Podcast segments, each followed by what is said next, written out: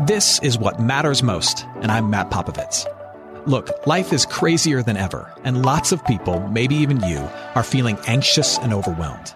Today's message is designed to help you figure out what's most important and to experience the peace and joy that God intends for you. Because life is a gift, and it shouldn't be wasted on worry. I'd like to give you a resource, something to help you navigate the road ahead. Just go to mattpopovits.com, click on the icon, and we'll send it to you. That's Matt, P-O-P-O-V-I-T-S dot com. And hey, if you happen to live in the Houston area, I'd love to see you on a Sunday morning at St. Mark in Spring Branch. Head to stmarkhouston.org to plan your visit. Here's today's message. Thanks for listening. So this morning we are concluding a teaching series called The Great Divide. And the big idea of this teaching series has been this, that, that Christianity bridges the gap between several big ideas in this world. Actually, a lot of big ideas. Ideas that seem to be naturally opposed to each other or inherently at odds with one another. So we started this conversation by talking about work and fulfillment, this tension we feel between doing what we have to do to survive or chasing our dreams and feeling fulfilled in life. And oftentimes it feels like you can't do both. So how does Christianity resolve that tension?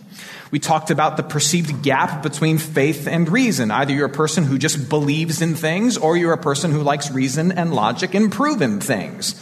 You can't be a person of both, can you? Well, we talked about how Christianity bridges that gap. We talked about justice and forgiveness. Either you want people accountable or you want to forgive people. Is it possible to be both? We talked about how Christianity bridges that gap. And today we're going to close with a subject that can be a tough one to talk about. This congregation is full of people who are working hard to provide for themselves and for their families. Uh, our two parishes are full of people who are trying to move up in the world and achieve a place of, of financial and personal stability, who are trying to figure out a way to pay down student loans or save a bit for retirement or or make their retirement stretch a little further. Uh, we're also a church of people who see the deep need around us a need for thousands in our city to be fed and housed, a need for churches to grow, for schools to be better equipped. And we know what it takes for that to happen. It takes people giving and sharing. And so we feel caught between what we need for ourselves and what other people need around us. We get caught between, between personal prosperity or a life of generosity. Do I look out for myself in terms of my financial needs and my tangible needs, or do I give away what I have so that other people can have their needs met?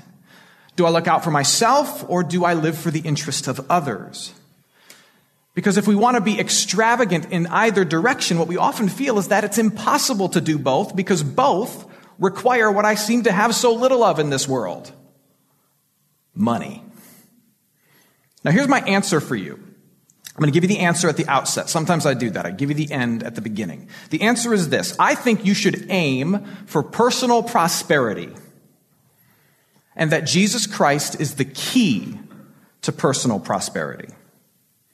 Now, before you accuse me of starting to sound too much like a TV preacher, let me clarify. I'm going to show you this morning how Jesus transforms our idea of prosperity so that it cannot be conceived of apart from generosity. Besides, I don't have the teeth, the hair, or the theology to be a TV preacher, so I can't even go there. So let's kick this off. Uh, Dorothy Parker was a marvelous and witty uh, poet and writer in the mid 20th century. Um, not too long ago, I read an interview that she gave towards the end of her life where she said this. This line stuck out to me. I thought it was really funny. She said, I hate almost all rich people, but I think I'd be darling at it. I think that sums up how most of us feel. We begin with the assumption that the problem in the world is that those who have a lot don't share a lot. But if we had a lot, we'd be the exception to the rule. If we had more, we'd probably be the ones who shared more. But I would argue with you that, that the Christian faith sees the core problem differently. That the problem is not some have and some don't have, but the problem is something we all have, which is a heart. The problem is the heart of human beings, the heart of every person, rich or poor, and the heart of every human being that lacks a certain amount of peace. And that lack of peace drives us, whether we have or we don't have, it drives us to fight for more, thinking that if we get another handful for ourselves, then we'll be fine. And once we're fine, then, then we will help other people. But first, I gotta get another handful for myself, and then I'll help somebody else. What we see in the scriptures is a call towards contentment. The scriptures urge us towards contentment. And being content is to be pleased with and thankful for the things that you have when you have them. And there's this belief in the scriptures that we see talked about over and over that says discontent, whether you're rich in discontent or poor in discontent or somewhere in the middle in discontent, discontent will always lead you towards a lust for more that is subtle but always self-destructive. And that's what Paul is talking about in the book of 1 Timothy from the reading that Anthony shared with us earlier. Paul, the, the seasoned pastor, is giving advice to the younger pastor, and he's telling him, look, above all things, try to find this place of contentment, because a lack of contentment leads to all kinds of evils. This is what he says Godliness with contentment is great gain. In other words, um, to, to be connected to your Father through Jesus Christ and content with what you have is real wealth. For we brought nothing into the world, and we cannot take anything out of the world. You've heard that old phrase, you can't take it what? Can't take it with you. I got a Bible verse for it. But if we have food and clothing, with these we will be content. But those who desire to be rich fall into temptation. Now, quick clarification here. He's not saying that being wealthy is bad. He's not saying that at all. He's saying that the hunger for more and more is dangerous. They fall into a temptation, into a snare. They can be easily caught, he says, into many senseless and harmful desires that plunge people into ruin and destruction. For the love of money is a root of all kinds of evils. Notice he doesn't say money is the root of all evil. He says the hunger, the thirst for it is the root of all kinds of evils. It's through this craving that some have wandered away from the faith and pierced themselves with many pangs. They've caused a lot of trouble to themselves. So, one of the beautiful side effects to believing the gospel, the message of radically free forgiveness through Jesus Christ, one of the beautiful side effects of believing that, being baptized into that, is, is a growing sense of peace with where you are and what you have. I said at the top that Christ is the key to prosperity, but first things first, Christ is the key to contentment. You see, the grand message of Christianity is that all of us are, in fact, dirt poor. All of us are poor. We are spiritually and morally bankrupt. And when the message of Jesus Christ first comes to you, it, it acts as an x ray exposing that your spiritual and moral bank accounts are actually empty.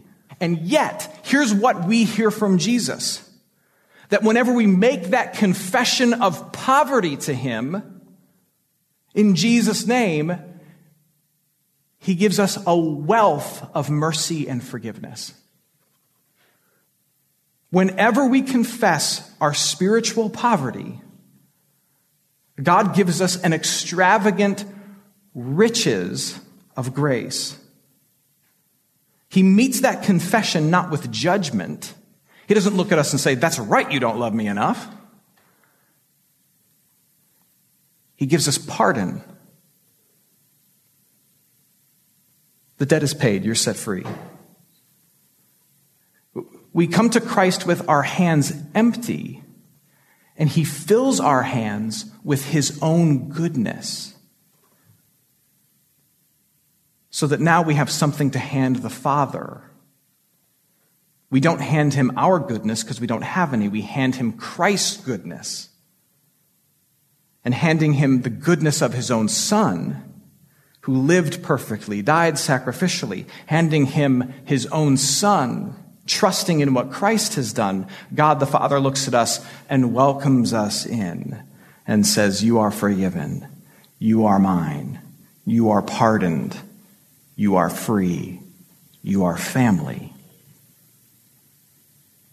And over the course of your life of faith, as, as that reality sinks in, that, that we are morally and spiritually bankrupt, but God blesses us with immeasurable riches through Jesus Christ, giving us entrance into his family. As those two truths become clearer and clearer and clearer in your life over the course of time, you start to change how you see the world. It doesn't happen fully overnight. It, it kind of happens slowly and imperfectly throughout your life. But you start to see everything. If those things are true, you start to see everything as grace.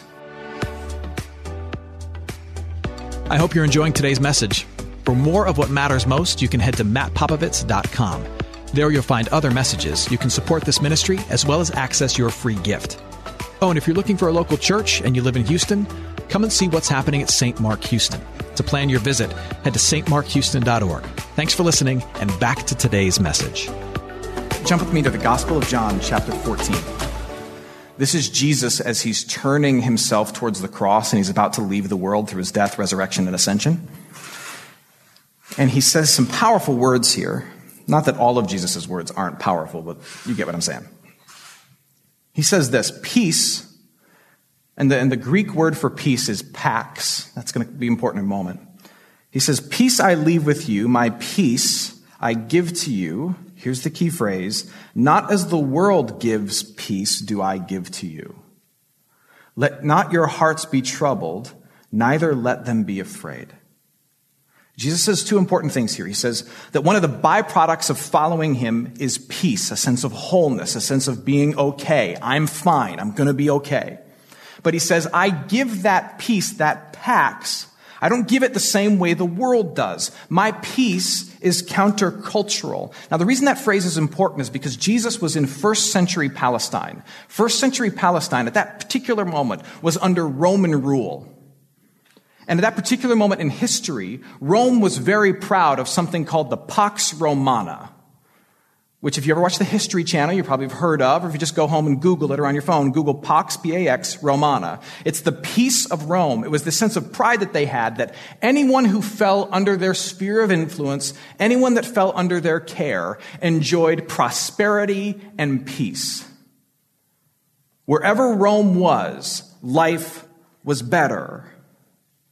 And so when, when Jesus says, I don't give peace like the world gives, what he's saying is, I don't give pax like Romana gives. I don't give peace like Rome gives. He's making a political statement. He's saying other people make your life better by trying to win wars and put money in your pocket. And that's fine, but it's fleeting. I give you a peace that comes from winning the war with your sin and putting righteousness in your pocket so that you can know that you are right with God, you are forgiven by your Maker, you are part of a kingdom to come, and you are the recipient of millions of overlooked mercies. That's the peace that I give, and it's a peace that you can carry with you no matter how much money or success or status you have on you. I, I don't give peace like Rome gives. I give a different peace. The message of Jesus is meant to instill in you a deep peace, and another word for peace is contentment. I may not have what I want, but I do have what I need. Now, when contentment comes in, that's when generosity becomes a real possibility. And so I would then say that the contentment we receive from Christ is the key to generosity. Because if I see everything that I have as an undeserved gift, and I become increasingly satisfied with the little things that I have and, and increasingly confident in the love of God and the ability of God to provide, then a freedom starts to emerge in me to be sacrificial, to offer the things that I do have to others. Because after all, it, it was a gift to me. Why can't it be a gift to them? And God gave this. Why won't He give more if I give it to somebody else? And you see this attitude of you're content and let your contentment lead to generosity embedded throughout the scriptures. You even see it deep in the Old Testament. Leviticus chapter 19. Leviticus is one of those books we don't read much anymore. But what you see in Leviticus, which is a series of laws given to God's people so that they would be set apart and different as they wandered around waiting for the promised land, what you see in these laws is this idea of contentment leading to generosity embedded into the very basic fabric of their life. So, so listen to this law given to the Old Testament people. Leviticus 19. Remember, they were all farmers, okay? When you reap the harvest of your land, so when you go to reap your corn, your crops, whatever it is, you shall not reap your field right to its edge. So if you had a field, you were to reap it, um, say 90, 95%, but you were to leave a ring of corn or soybean or whatever they grew back then around the edge. There was a certain bit you didn't touch. You left it there. Do not reap your field right up to its edge, neither shall you gather the gleanings after your harvest. So you're putting your harvest into, into your, um, your giant wagon, whatever it is, stuff's gonna fall off. Those were called the gleanings. As you're piling up what you take home, stuff falls off, and he's saying, not only do you not reap to the edge, but if something falls off the cart, don't pick it up. Leave it there. And you shall not strip your vineyard bare, leave something there. Neither shall you gather the fallen grapes of your vineyard. You shall leave them for the poor in your community and for the sojourner. I am the Lord your God. You were to leave a little bit of your field unharvested so that people who didn't have a field could feed from yours and you were to not pick up the stuff you accidentally dropped so that the person who's wandering through could benefit from your beautiful mistake. Generosity flows from contentment. God instructed them harvest your field, but don't use all of it. Leave a little bit around the edge. Refuse to pick up what falls from the cart. Leave all of this for those in need. And he closes by saying, I am the Lord your God. Now, this is not just a way of saying, do it because God said so. It's a way of saying, remember, all that you have comes from who? Comes from me. It's all grace. I can give you more. So demonstrate your contentment and your trust by leaving a little bit behind for somebody else. Are you using all of your resources on you so that there's nothing left, not a nickel, not a dime, not an ounce of your time even, for anyone else? And if the answer is yes, and for all of us, at least in seasons, the answer is yes, I want you to wrestle with why. And I know at times we feel like we have really, really, really, really good and pressing reasons for it. But I'm going to challenge you to dig a bit deeper. Is it less about the necessity of paying school loans and rent, which I know are very real things? I have those things. And sometimes is it about a lack of contentment with what you have and feeling deserving of something more and a lack of trust for God to provide for you, so you must take everything that comes to you and use it for you. Now, only you know the answer to that question.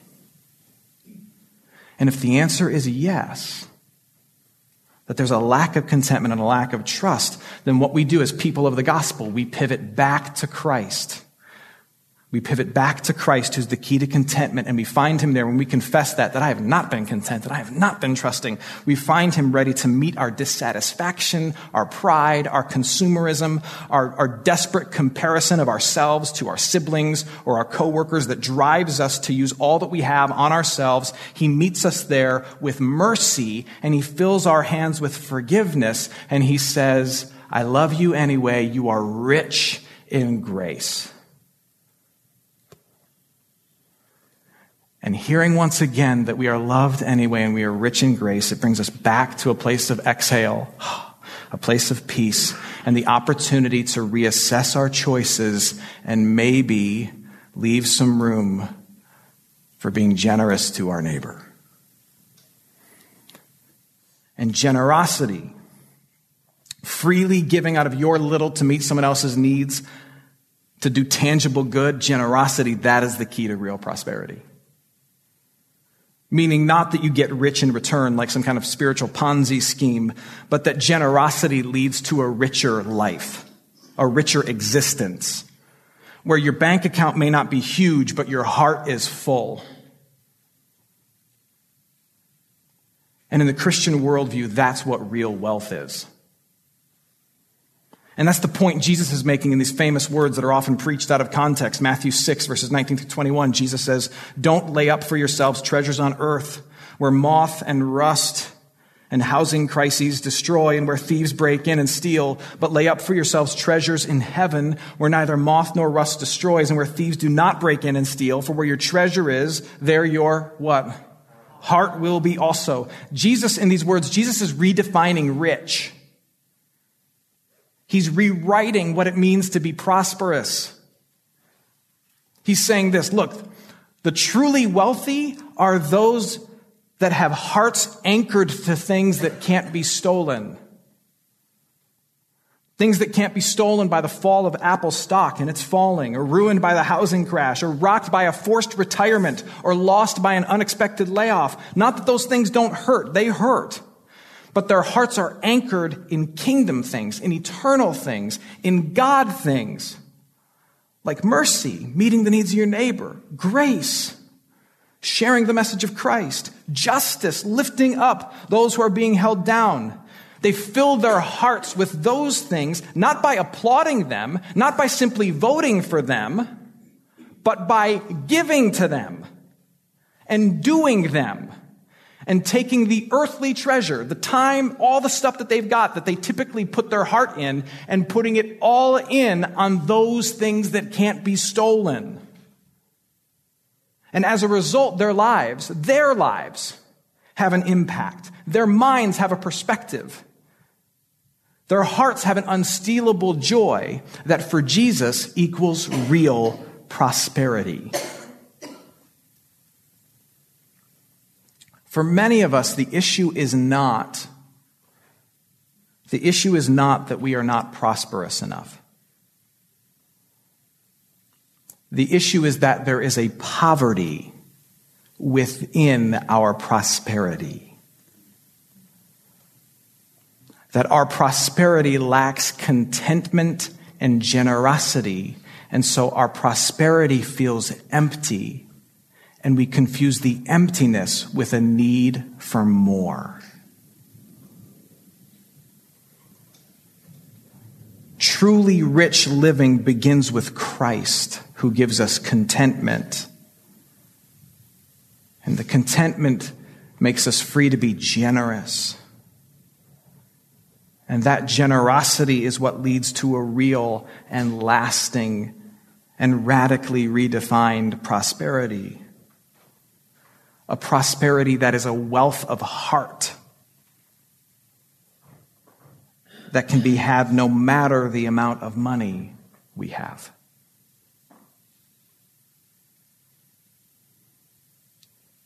My desire is for us that we would be a church that is determined to be rich, but that we would define rich in a radically different way that we would define wealth as being content through Christ who solved the real problems. Generous as an expression of our trust. And prosperous with full hearts and empty hands because we've loved our neighbor as we love ourselves. Amen. Hey, it's Matt. I hope you enjoyed what matters most. Here's what I need you to know life is a gift, and it shouldn't be wasted on worry. I want to help you figure out what's most important and to experience the peace and joy that God intends for you. So, for more content, you can head to mattpopovits.com. That's Matt, P O P O V I T S.com. There, you can also support this ministry as well as access your free resource a little something to help you navigate the road ahead. I'd also love to see you on a Sunday morning. If you're in the Houston area, head to stmarkhouston.org to plan your visit. In the meantime, hit me up on Instagram at mpopovits or at facebook.com slash Ministries. Thanks for listening. Now go and hold tight to what matters most.